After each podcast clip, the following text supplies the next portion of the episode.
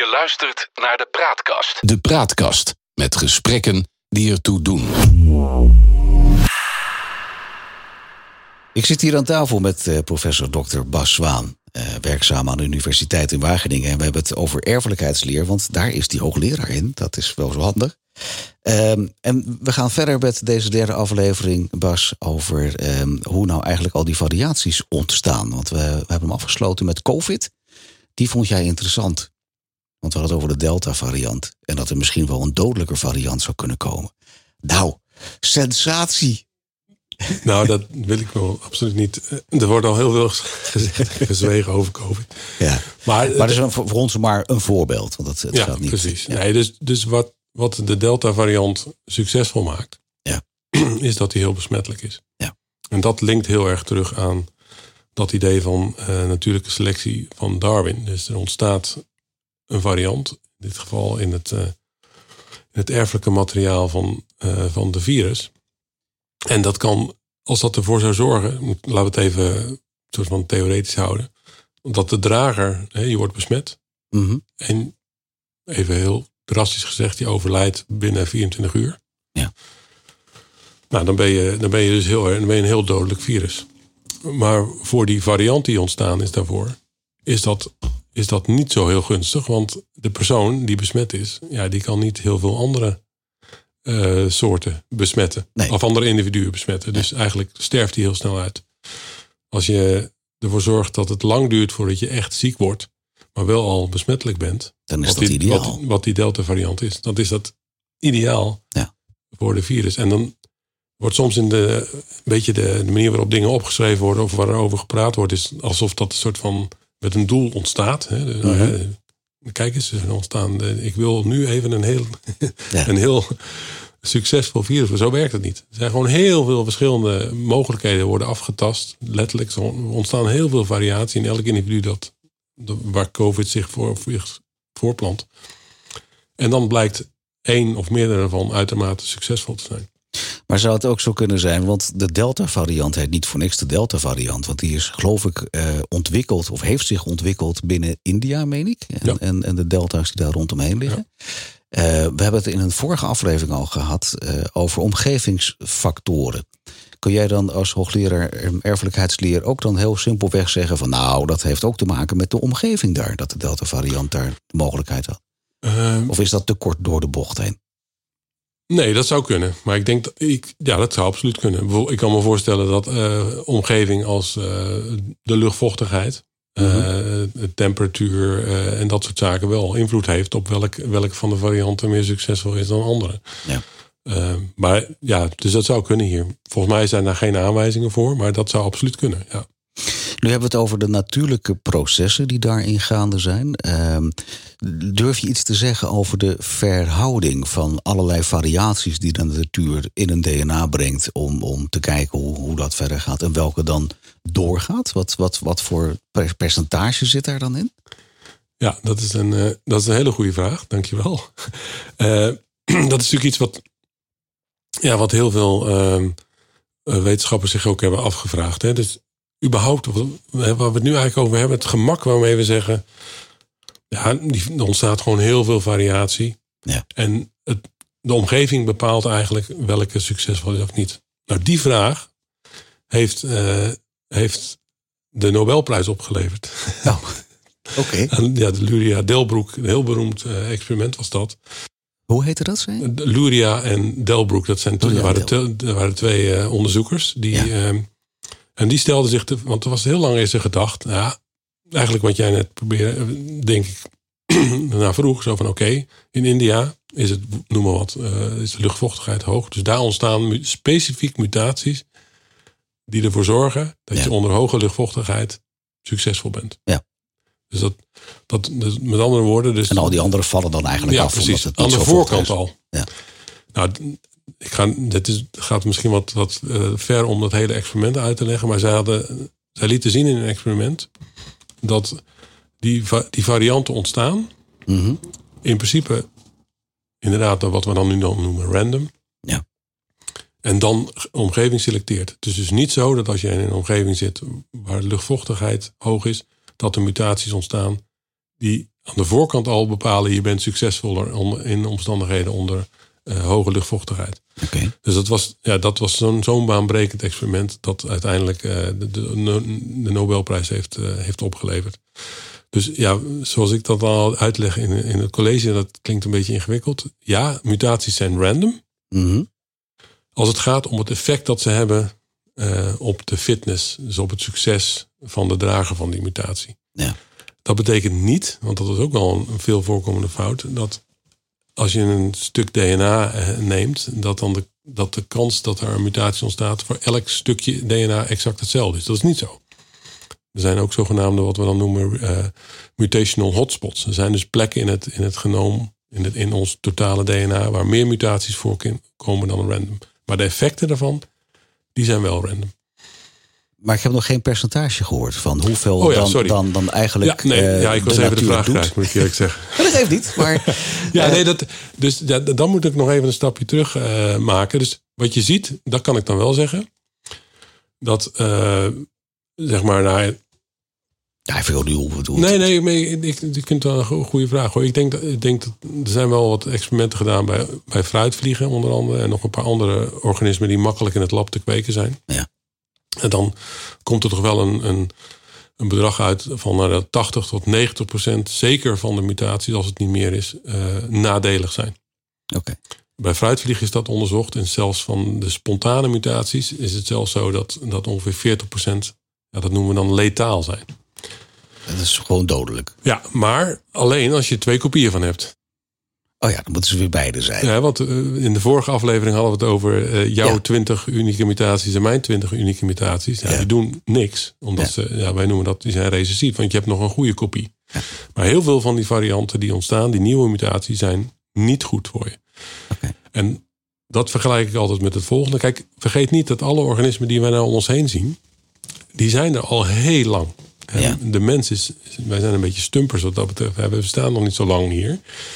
Maar we zijn wel in staat gebleken ons eh, heel goed voor te, voor te planten. Dus wij kunnen goed leven op deze aarde. Ja. Dus je moet je een beetje voorstellen, eh, zoals ik altijd zeg, nou stel nu eens dat je een willekeurig, ehm, een willekeurig iets aan dat mengpaneel waar jij nu voor zit. Mhm. Dat is een ingewikkeld ding. Met allerlei eh, knopjes en draadjes en zo. Dus Ja. Knip er nou maar eens gewoon één door en verbind het twee en verbind die aan elkaar. Wat denk je dat de, hoe dat, wat het effect heeft op het functioneren van het mengpaneel? Ja. Dat is erg afhankelijk van welk draadje je gaat doorknippen. Nee, dat wel.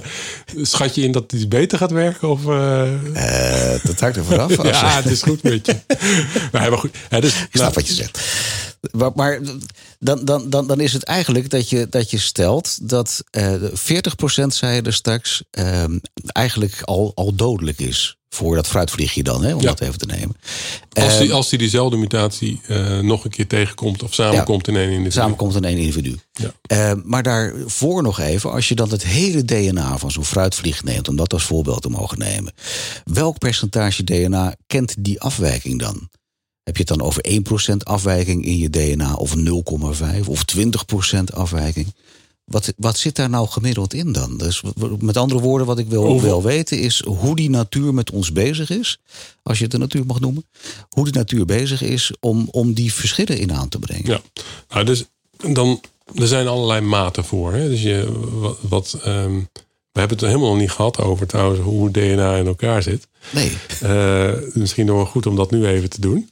hoe Eh, zit DNA in elkaar? Ja, dus DNA is heel, is een heel, eh, is een heel mooi molecuul. Eh, dat wordt ook wel de, de dubbele helix eh, genoemd. Dat zijn eigenlijk twee strengen die in elkaar grijpen. Eh, Iedereen kent dat wel van plaatjes. ja, precies, van plaatjes. En, en- Maar de, de basiselementen zijn eigenlijk vier. ja, wij noemen dat nucleotiden of, of bazen. Dat zijn, worden aangeduid met G, T, C en A. Ah. Ehm, dat zijn dus vier letters. Ja. En, en nou, hoe ontstaat die dubbele helix? Dat is omdat eh, eh, C gaat met G en A gaat met T. Dus het is eigenlijk een soort rits. Je bent me al kwijt hoor nu. Ja. Ja. Dus de, mole- de. Oké, dat is niet goed. Nee. Als ik jou al kwijt ben, dan... Ja. Dus je, stel je voor dat het twee. eh, nou, maar wat zegt zo'n C, zo'n T, zo'n A? Want Ja, dat, dat, dat, is, dat wordt ook wel de, de code genoemd. Maar laten we eerst even, even terug naar, eh, naar die dubbele. Zie het als een ritssluiting. Kijk, Ja. als je je rits dicht doet, dan, dan zijn al die, eh, ja, die elementjes van die rits, Mhm. die zijn precies hetzelfde. Ja. Maar bij DNA zijn dus die, die elementjes zijn dus of een T, een C, een G of een A. dat, is die, dat is die code die, Ja, die, die in elke levende Ja. cel voorkomt. De, de, de rits kan alleen maar dicht Ja. als er tegenover een A een T zit, of tegenover de C een G. Oké, nou begin je te begrijpen. Ja. Dus, dus het is gewoon een, een fantastische moleculaire eh, structuur. Nou, hoe komt, dat, eh, hoe komt dat nou dat we kunnen zeggen het zit in ons DNA? Nou, dus setjes van drie van die letters, Mhm. die, ehm, zo noemen we dat, die coderen voor een, eh, voor een aminozuur waar eiwitten uit ge- ge- gemaakt kunnen worden. Dus eigenlijk, dus het DNA wordt letterlijk afgelezen en dat, Ja. daar komen producten uit en dat zijn eiwitten. En die eiwitten doen van alles en nog wat in ons. eh, in ons, eh, ja, die maken dat we leven. Wij als mens, maar ook virussen, et cetera, et cetera. Ehm, dus als je wil. Maar dat geldt ook voor erten. Dat geldt Ja, ook ja, voor, ja voor zeker. alles. Dus, ja, dus Je, je hebt, nou, je moet, het is nog iets gecompliceerder, want je hebt ook nog iets dat, dat RNA heet, maar dat laten we nu even buiten beschouwing. Het gaat erom dat er dat die structuur die ik net noemde, daar zit de, de informatie op. Die een ert, een ert maakt, weliswaar, en een mens een mens. En een fruitvlieg, een Een fruitvlieg. Maar ze hebben in principe dezelfde drager eh, van informatie. Nou, jouw vraag was hoeveel variatie is er nou eigenlijk? Nou, dat kan je dus, je kan dat, een maat die we daarvoor gebruiken is eh, eh, per hoeveel eh, van die letters, Mhm. die bazen, vind je een unieke variant. Ja. Eh, dus dan kan je bijvoorbeeld zeggen, elke duizend van die bazen zit, zit een nieuwe variant. Hè, dus dus eh, om even een indruk te geven, en dat vind ik, heb ik zelf een fantastisch beeld gevonden. Ja. Als je van Amsterdam, nee, ik moet anders zeggen. Stel je typt van het menselijke, ons menselijk DNA. Ja. We hebben 23 chromosomen, dus we hebben 23 stukjes waar, waar DNA op zit. Mhm. Wat, wat DNA maakt, sorry. Ehm, als je dat uittypt op, eh, in het lettertype courier, ja. dus dat is een schreefloze eh, eh, letter. Mhm. Met een, die heeft dus de afstand tussen de letters is hetzelfde steeds. En dan in lettergrootte 10, als je dat uittypt, Ja. Dan we hebben we hebben zoveel informatie in ons, elk van onze cel, als je van Amsterdam naar Kaapstad gaat. Ja. Dan, als je dat allemaal zo lang eh, Is die- is die uitgetypte streng. In elke cel. ja, in elke cel. Nou, dus maar even aan te geven. Dus dan hebben we dat gewoon is- heel veel. En Dus boven elk begrip eigenlijk. Ja, precies. Ja. dat is gigantisch veel. Ja. Maar nou even terug. Dus daarom kan ik ook net eerder zeggen van ja, eh, iedereen heeft ongeveer 10 tot 20 unieke mutaties. Want de kans dat, ondanks dat we dat, je moet je voorstellen hoeveel informatie dat is. In elke celdeling wordt dat met een ongelofelijke precisie gekopieerd naar de Ja. volgende cel. Ja. Maar ongeveer 10 tot de macht min tiende. Dus dat is zeg maar één. Nou goed, even even nadenken. Dus Dat is veel. heel veel, eh, eh, ontstaat er toch een foutje. Ja. Dus die kans dat de fout gaat is ontzettend klein. Maar omdat we heel veel van die letters hebben, Gaat het toch, wel mis? Gaat het toch wel mis. En dat kan je zeggen, het gaat mis. Nee. Enerzijds kan je zeggen, ja, het is maar hoe je het bekijkt. Want ik zei net, ja, maar de meeste van die mutaties zijn slecht. Maar uiteindelijk is die, die variatie, Mhm. het feit dat het niet perfect is, heeft er uiteindelijk voor gezorgd dat er überhaupt evolutie was. Dat is de start geweest eigenlijk. Precies. Ja. Dus een beetje foutje is goed, maar niet te veel. Nou ja, maar je kunt je ook voorstellen als het, als het zo'n zo'n afstand is. Want je, je noemt van Amsterdam naar Kaapstad. is Ja. eigenlijk de lengte van dat hele Ja, verhaal. In elke cel. Ja, precies. Dat bijna niet anders kan dan dat er fouten gemaakt worden. Daar, maar speelt daar dan toeval een rol? Is dat ook, mag je zeggen dat toeval daar ook een rol in speelt? Ja, nou ja, dus dat is wat dus dat, eh, dat, dat, die, dat Nobelprijs-experiment heeft eigenlijk gezegd van nou, het ontstaat. eh, dus de, de DNA, is, DNA is niet een, eh, een lange rechte lijn van, eh, van Amsterdam naar Kaapstad. Er zitten allerlei plekken in het genoom die wat, wat dichter op elkaar gepakt zijn. En waar het minder grote kans hebt dat er een mutatie ontstaat. En ook gebieden waar eigenlijk niet zoveel informatie op ligt. Maar tenminste, dat denken we nu. En werd vroeger wel junk DNA ge- genoemd. Nu, Ja. nu, nu noemen we dat eh, non-coding DNA. Dat betekent dat daar geen genen liggen. Maar het heeft misschien wel een rol, dat weten we allemaal. Nou, Dat weten we nog niet. aflevering 1, hè? Wat, Ja. wat wil je nou weten? Dat zijn dus allemaal die vragen die we echt nog niet weten. Ondanks dat we heel veel weten.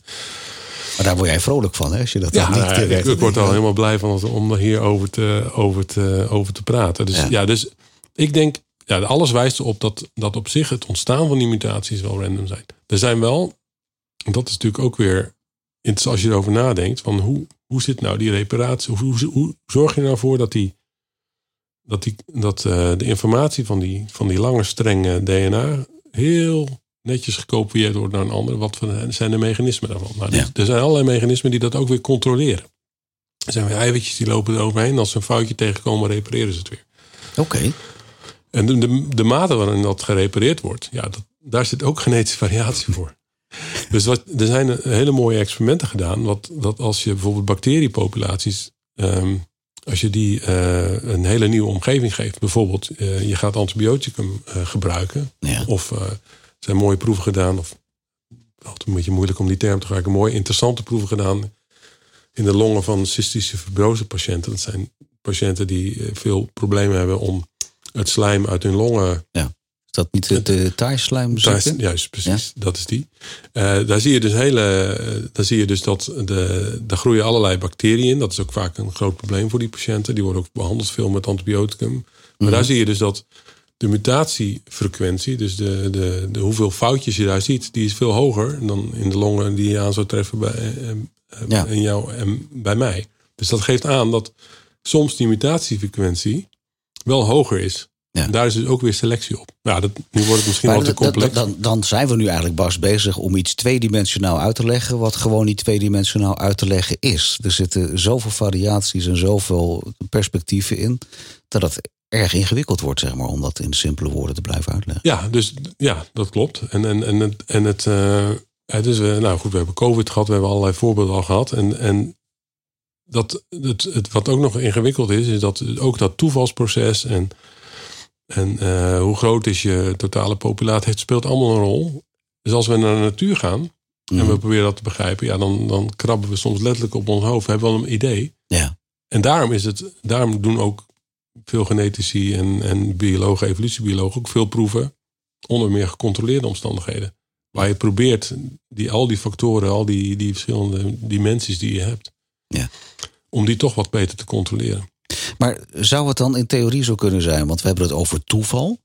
Dat toeval er eigenlijk niet is, maar dat het nog onbegrepen mechanismen zijn. Ja, ja. je bent wel romantisch. Ja, ik hoop het. Ja, Nou ja, want dat je ook in aflevering 2 zei, geloof ik ook zoiets van: van ja, nou ja, als we het over, over, over bijbelse dingen hebben, dat is een beetje dat we al die dingen nog niet snapten. nou, laat, laat, ik het dan, laat ik het dan zo zeggen. Ehm, Je moet een beetje lachen op de vraag, hè? Nee, kijk, het, is niet heel ingewikkeld. Eh, Met een beetje fantasie en een beetje eh, goede wil kan je alles wat al die, die nieuwe inzichten in, in de biologie en de genetica, erfelijkheidsleer, kan je prima met een geloof. ehm, hoe zeg je dat? Eh alignen. Nou, ik kan even het goede woord niet vinden. Eh, Gewoon dat je het verklaren kunt. ja, nee, en dat, je, dat je het aan elkaar kan, eh, dat, je, dat, je, dat je beide kan geloven. Ja. Of beide kan aanhangen. Omdat je dus altijd, je kan altijd nog die. Er zijn natuurlijk heel veel ja, geloven die dat toch doen. Ja, weet je, ja, maar het, de, de toeval bestaat niet. Er zit altijd nog een soort goddelijke kracht over. Ja, Ja, ik- dat hoor je mij niet zeggen, maar dat er. nee, maar dat, ik, dus even om aan te geven, want dat, ja, op dit moment zijn er gewoon, denk ik, geen aanwijzingen dat, dat we dat missen. Dat er, ik denk, ja, er, alles is nu gewoon nog goed te verklaren met, eh, met de evolutie, eh, met, met het idee van dat nieuwe mutaties ontstaan, dat er selectie op is. Dat verklaar hè, Dus ehm, ook voor mensen die dat interessant vinden, eh, er zijn heel veel hele mooie datasets worden nu verzameld natuurlijk voor COVID. Alle, alle varianten. Ja, en dan je ziet hoe de Delta variant, de, de, de, de, de Britse variant, hoe heette die ook alweer? Ik ben hem alweer kwijt. eh, heeft overgenomen. Ja, dat klopt exact met wat je, wat je, wat je je, verwacht voorspelt, wat je voorspelt uit, vanuit, dit, vanuit deze eh, ge- dingen die ik net heb uitgelegd. Ja, Neem ja. niet weg, ik bedoel, ik moet kritisch blijven, want het is een, een virus is arguably, hoe zeg je dat? eh, ja, de, waarschijnlijk het meest eenvoudige eh, eh, levensvorm die we kennen. Dus dat, Ja. dat is heel anders. Dus het kan best zijn dat er op, op een ander niveau nog wat complexere processen zijn. Maar voor, voor, voor virussen en dergelijke bacteriën is dit een heel goed, ja, is gewoon een heel goed model. Voorspelt perfect wat er gebeurt, wat we om ons heen zien.